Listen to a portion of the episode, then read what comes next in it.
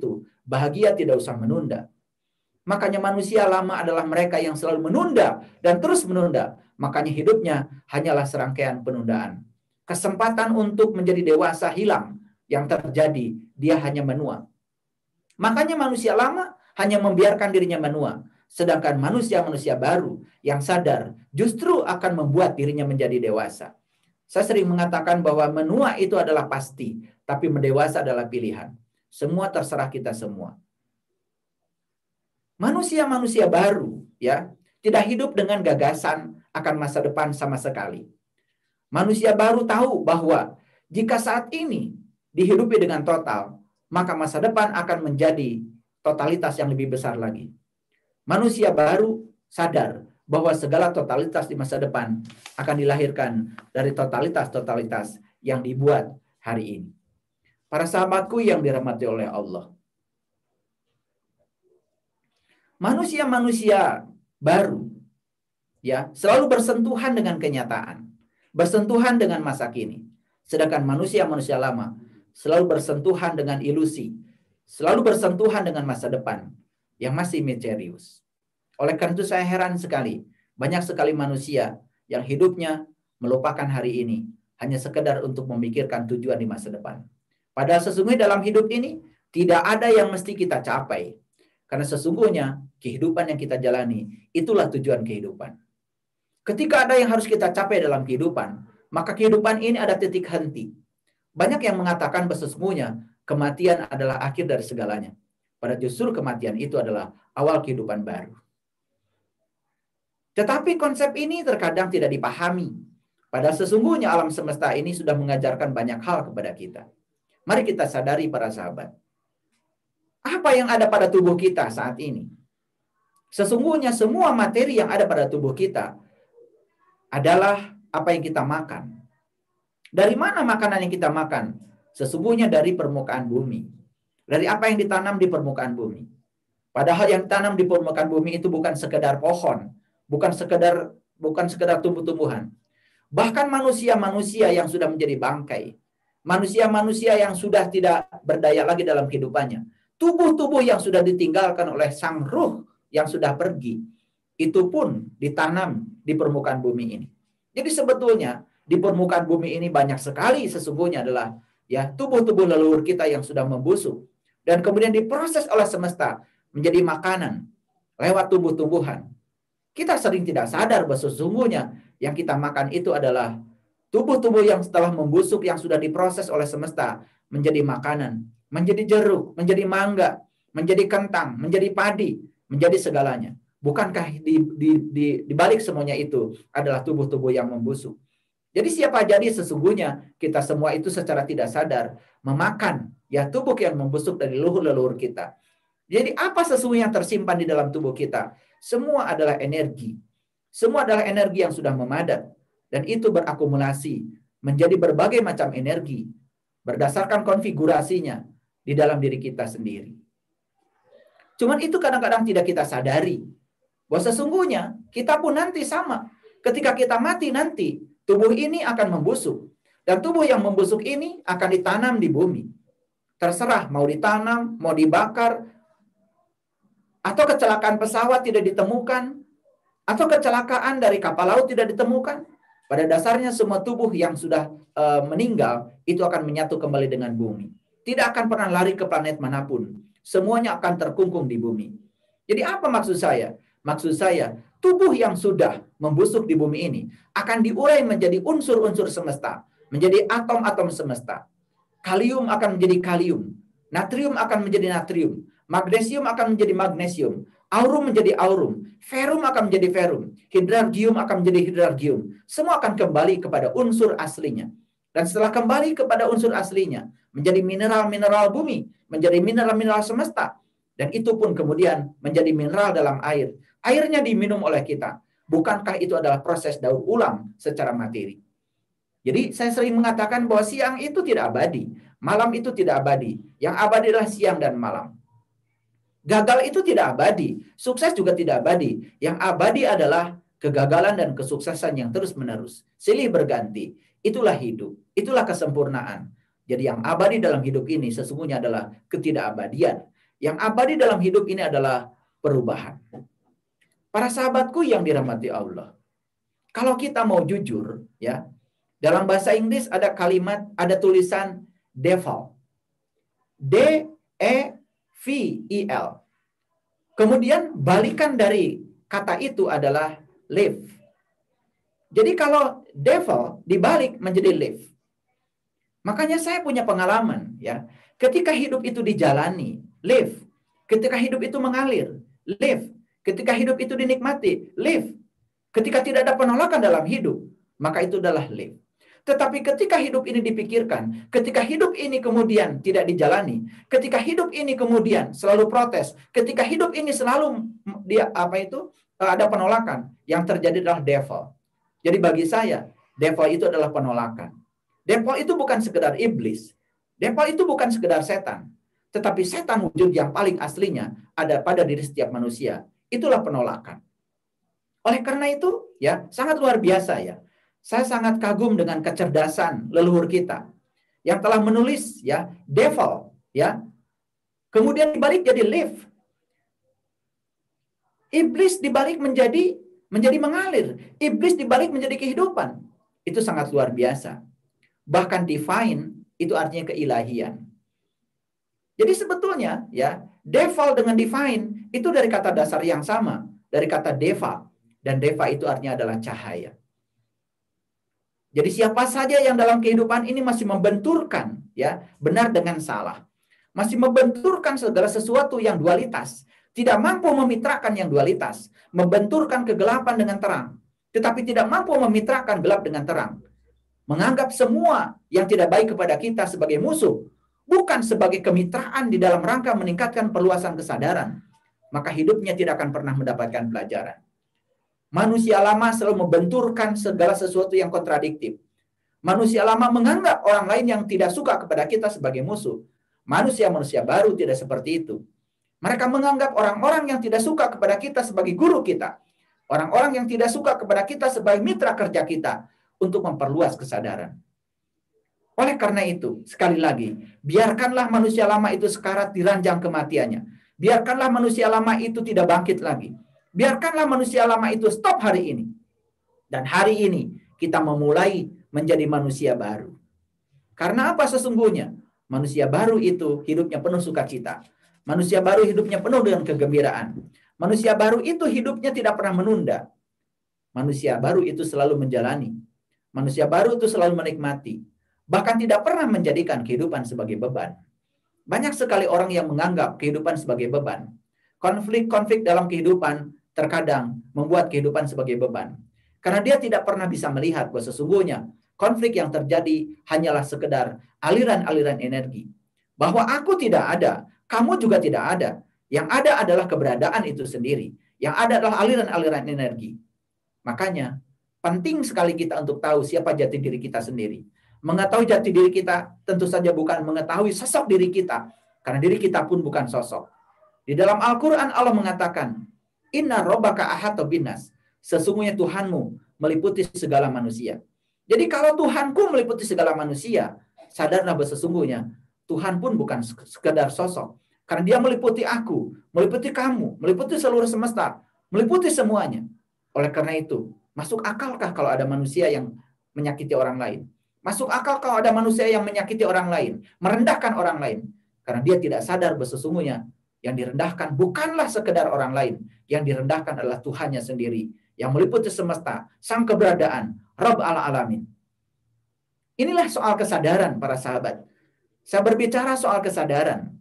Itu sebabnya pertemuan dengan Tuhan bukanlah di suatu tempat. Bukanlah di langit yang tinggi, bukanlah di langit yang jauh.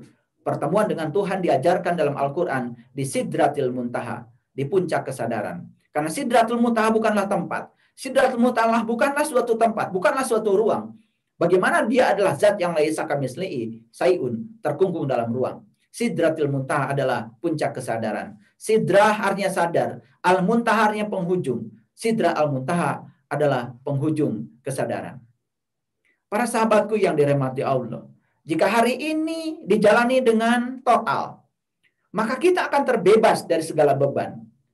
Tidak ada perasaan yang menghantui kita. Bahkan tidak akan ada perasaan yang menyiksa diri kita. Manusia banyak sekali yang sekarang menggantungkan kehidupan pada masa depan. Manusia sampai sekarang tidak diajarkan untuk hidup saat ini. Bahkan banyak manusia yang takut untuk menjalani hidup hari ini. Lo berangan-angan dengan apa yang ada di dalam persepsi pikirannya tentang masa depan. Manusia sampai sekarang diajarkan untuk layak hidup besok. Lalu tidak mengatakan hidupnya layak hari ini. Siapa pun manusia yang mengatakan layak hidupnya besok dan tidak mengatakan dia layak hidupnya hari ini, itulah manusia lama. Dan sekarang pastikan oleh para sahabat semua, kita hidup layak hari ini. Ini adalah berkah yang sangat luar biasa dari semesta. Karena sesungguhnya besok itu masih sangat misterius. Para sahabatku yang dirahmati Allah. Oleh karena itu, Kunci yang paling utama dalam hidup. Tidak usah kita menjadi seseorang. Tidak usah menjadi siapa-siapa. Tidak usah menjadi orang lain. Karena sukses artinya adalah saat kita bisa menjadi diri kita sendiri. Saat kita menjadi diri kita sendiri, maka kehidupan kita akan bermartabat. Saat kita berhasil menjadi diri kita sendiri, maka kita akan memiliki keaslian. Kita akan memiliki ciri khas. Sayang sekali di antara kita, banyak yang membiarkan diri kita menjadi duplikat dari orang lain. Bahkan diri kita selamanya menjadi duplikator.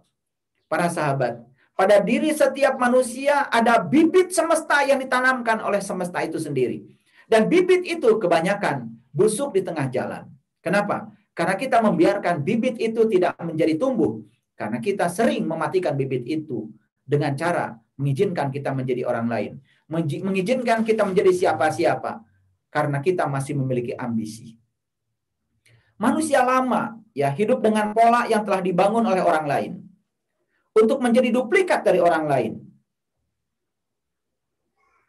yang tidak mendukung untuk menjadi individu yang yang kemudian dia diperbudak oleh dirinya sendiri untuk menjadi orang lain. Sekarang sudah saatnya kita tidak mau diperbudak untuk menjadi orang lain. Karena sesungguhnya setiap diri kita adalah unik. Setiap diri kita memiliki kelayakan untuk hidup yang sama. Setiap diri kita memiliki kesempatan untuk bahagia yang sama. Itu sebabnya para sahabat. Marilah kita sadar akan individual diri kita. Marilah kita sadar sesungguhnya individu kita ini adalah unik. Mari kita menghormati diri kita sendiri. Mari kita mencintai diri kita sendiri. Sadar bahwa tidak ada orang seperti kita. Sadar bahwa orang yang seperti kita itu tidak akan pernah ada lagi. Karena kita adalah makhluk yang sangat unik. Hormati diri kita. Makanya saya sering mengatakan dalam hidup ini, cobalah berbuat baik sedikit saja pada diri sendiri, itu sudah sangat luar biasa. Makanya di mana pun, kapan pun, cobalah meluangkan waktu dua menit saja, tiga menit saja. Syukur-syukur kalau bisa 10 menit. Menyadari napas yang ada pada diri kita. Karena ketika kita menyadari napas yang ada pada diri kita, menyadari sang hidup yang ada pada diri kita, kita akan sadar sesungguhnya tubuh fisik kita bukanlah sekedar ya padatan yang memadat, tapi tubuh kita isinya adalah materi dan energi. Bahkan materi pun sesungguhnya adalah energi yang memadat. Jadi sesungguhnya diri kita adalah energi. Makanya setiap materi kalau dibedah lebih dalam lagi, isinya cuma satu, sistem kelistrikan. Mari saya buktikan sedikit. Ya, setiap materi di semesta ini isinya adalah molekul. Setiap molekul isinya adalah atom. Setiap atom isinya cuma dua, elektron dan proton. Elektron adalah pembawa muatan negatif. Proton adalah pembawa muatan positif. Muatan yang saya maksud di situ adalah muatan listrik. Jadi sebetulnya setiap diri kita itu isinya adalah kelistrikan. Makanya siapa saja yang sudah menemukan sistem kelistrikan pada dirinya, berdenyut, bergetar, dan kemudian menemukan sumber energi aslinya, di situlah kesadaran akan muncul maka kita tidak akan lagi ikut dalam pergerakan arus energi karena kita menjadi yang menyaksikan pergerakan itu. Itulah pentingnya kita meniti ke dalam diri. Itulah praktek meditasi yang diajarkan oleh para leluhur kita yang terkadang banyak sekali di antara kita yang tidak sadar dengan itu. Para sahabatku yang dirahmati oleh Allah. Sadar bahwa Tuhan tidak akan pernah mengulang lagi makhluk semacam kita ini. Sadar bahwa diri kita benar-benar unik Sadar bahwa sesungguhnya diri kita tak terbandingkan. Ketika kita memandang diri kita seperti itu, kita akan bisa menghormati diri kita sendiri. Sadar untuk tidak menjadi orang lain. Sadar untuk tidak menjadi seorang peniru. Sadar untuk tidak menjadi, sadar untuk selalu menjadi diri sendiri. sadar bahwa segala urusan harus diselesaikan oleh diri kita sendiri. Menjadi utuh, ya, karena kita sudah bisa menerima dan menghargai diri kita apa adanya. Ketika kita sudah utuh, maka tidak ada orang lain yang dapat membagi kita. Tidak ada orang lain yang dapat memecah kita. Tidak ada orang lain yang bisa membagi-bagi kita. Karena sesungguhnya penyakit yang paling parah diderita manusia saat ini yang disebut dengan penyakit skizofrenia. Penyakit skizofrenia itu adalah karena mengizinkan diri kita terbagi, mengizinkan diri kita tidak utuh, maka siapa pun yang tidak pernah utuh ya sebagai diri sendiri dan mengizinkan dirinya terombang-ambing oleh orang lain, sebenarnya dia sedang mengidap satu penyakit. Penyakit itu oleh para psikolog, para neuroscience disebut dengan skizofrenia. Dan skizofrenia ini sebetulnya penyakit yang tidak disadari. Karena kita mengizinkan diri kita terbelah. Mengizinkan diri kita terpecah-pecah. Banyak yang tidak sadar bahwa dirinya tidak utuh. Tetapi dia tidak sadar. Karena apa? Dia mengizinkan dirinya dipecah-pecah oleh situasi, oleh kondisi. Bahkan orang yang mudah sakit hati, orang yang mudah tersinggung, orang yang mudah marah dalam kehidupannya, dia sedang mengizinkan dirinya terpecah-pecah. Itulah yang disebut dengan penyakit skizofrenia. Semoga kita bisa sembuh ketika kita bisa menjadi manusia baru. Karena menjadi manusia baru berarti menyadari kehidupan itu sendiri. Menjadi manusia baru adalah sadar sepenuhnya di sini, saat ini, sekarang. Para sahabatku yang dirahmati Allah, saya sering mengatakan bahwa kebencian itu energi. Cinta juga energi. Kita punya pelajaran dari semesta ini yang namanya energi itu selalu kekal. Energi itu tidak bisa diciptakan. Energi itu tidak bisa dimusnahkan. Tapi energi bisa berubah bentuk. Di rumah saya ada air terjun kecil-kecilan. Saya sering menjelaskan. Kenapa di rumah saya ada air terjun? Walaupun kecil-kecilan. Bukankah air terjun di rumah saya itu adalah air terjun yang dipindahkan dari pembangkit listrik? Ada air terjun yang di pembangkit listrik yang lebih besar lagi. Air terjun itu memiliki tenaga potensial. Air terjun itu kemudian dirubah menjadi tenaga kinetik, digunakan untuk menggerakkan turbin. Setelah menggerakkan turbin, berikutnya apa? Turbin menggerakkan dinamo. Turbin menggerakkan generator. Generator kemudian menghasilkan listrik. Listrik ditransformasikan ke rumah saya. Sesampai di rumah saya, saya kemudian bisa mengangkat air ke atas dan menjatuhkannya. Jadi sebetulnya air yang di rumah saya yang terjun itu karena apa? Karena energi yang dirubah di pembangkitnya. Jadi energi itu bisa dirubah bentuknya. Energi itu tidak bisa dimusnahkan. Energi tidak bisa diciptakan, tapi dapat berubah bentuk. Alangkah hebatnya kalau orang-orang yang bisa mengubah kebencian menjadi cinta. Itulah manusia baru. Karena dia sadar bahwa sesungguhnya kebencian itu adalah kegelapan. Dan kegelapan tidak pernah bisa dilawan dengan kegelapan. Kegelapan hanya bisa dilawan dengan menghadirkan cahaya. Cinta itu adalah cahaya. Kebencian itu kegelapan. Bayangkan sekarang banyak sekali manusia yang senang menghukumi orang lain yang dianggap salah oleh pikirannya sendiri. Oleh karena itu bagi saya, salah dan benar itu adalah penilaian. Salah dan benar itu bukanlah kebenaran. Salah dan benar itu adalah kesepakatan. Salah dan benar itu adalah penilaian. Izinkan diri kita terombang-ambing dalam salah dan benar, maka kita akan mengidap penyakit skizofrenia. Kita menjadi terpecah-pecah, kita menjadi terbelah-belah, dan kita menjadi tidak utuh lagi. Lalu kita kadang-kadang memusuhi diri kita sendiri. Banyak manusia yang mengidap penyakit skizofrenia, malah ujungnya dia memusuhi dirinya sendiri. Kenapa? Kenapa begitu? Karena manusia yang terjebak oleh gagasan hayalan, manusia yang terjebak oleh pikiran-pikiran yang tahayul, maka dia selalu berpikir tentang seharusnya dia menjadi. Lalu tidak menjalani yang seharusnya. Sekali lagi, dia selalu berpikir seharusnya dia menjadi, bukan ya menjalani yang seharusnya. Gini, kalau kalau sulit ya. Ya, ada terjadi ya uh, sesuatu di rumah kita hari ini. Itu seharusnya terjadi. Jalani saja yang harusnya terjadi. Tetapi manusia-manusia lama selalu menggugat. Karena apa? Coba kalau tidak kamu. Begitu. Coba kalau ini. Lalu dia mencari alasan untuk menyalahkan orang lain. Itulah manusia-manusia yang selalu berpikir tentang seharusnya dia menjadi. Sudah jelas-jelas ya, mobil kita dipakai anak kita, kemudian kesenggol orang lain. Kemudian dia menggugat pada anaknya. Coba kalau kamu tidak pakai mobil itu. Coba kalau kamu hati-hati. Sudah jelas sekarang itu Kenyataannya mobil sudah benyok. Mobil sudah bonyok. Kalau mobil sudah bonyok harusnya terima saja. Itu pelajaran. Mobilnya kasih bengkel, kemudian syukuri anaknya masih selamat, ya, masih bisa hidup dan bernafas. Tetapi orang yang selalu berpikir, harusnya ini ter tidak terjadi kalau kamu hati-hati. Harusnya ini tidak terjadi kalau kamu tidak pakai mobil. Menggugat masa lalu, menciptakan neraka saat ini. Itulah yang disebut dengan penyakit skizofrenia. Karena kita mengizinkan diri kita terpecah-pecah. Mengizinkan diri kita terbagi-bagi. Akibatnya kita tidak utuh. Kita selalu saja melawan yang seharusnya. Dan kita selalu melemparkan gagasan seharusnya dia menjadi. Itulah sesungguhnya kegagalan kita dalam hidup. Dan secara tidak sengaja, sesungguhnya kita sedang menciptakan neraka bagi diri kita sendiri.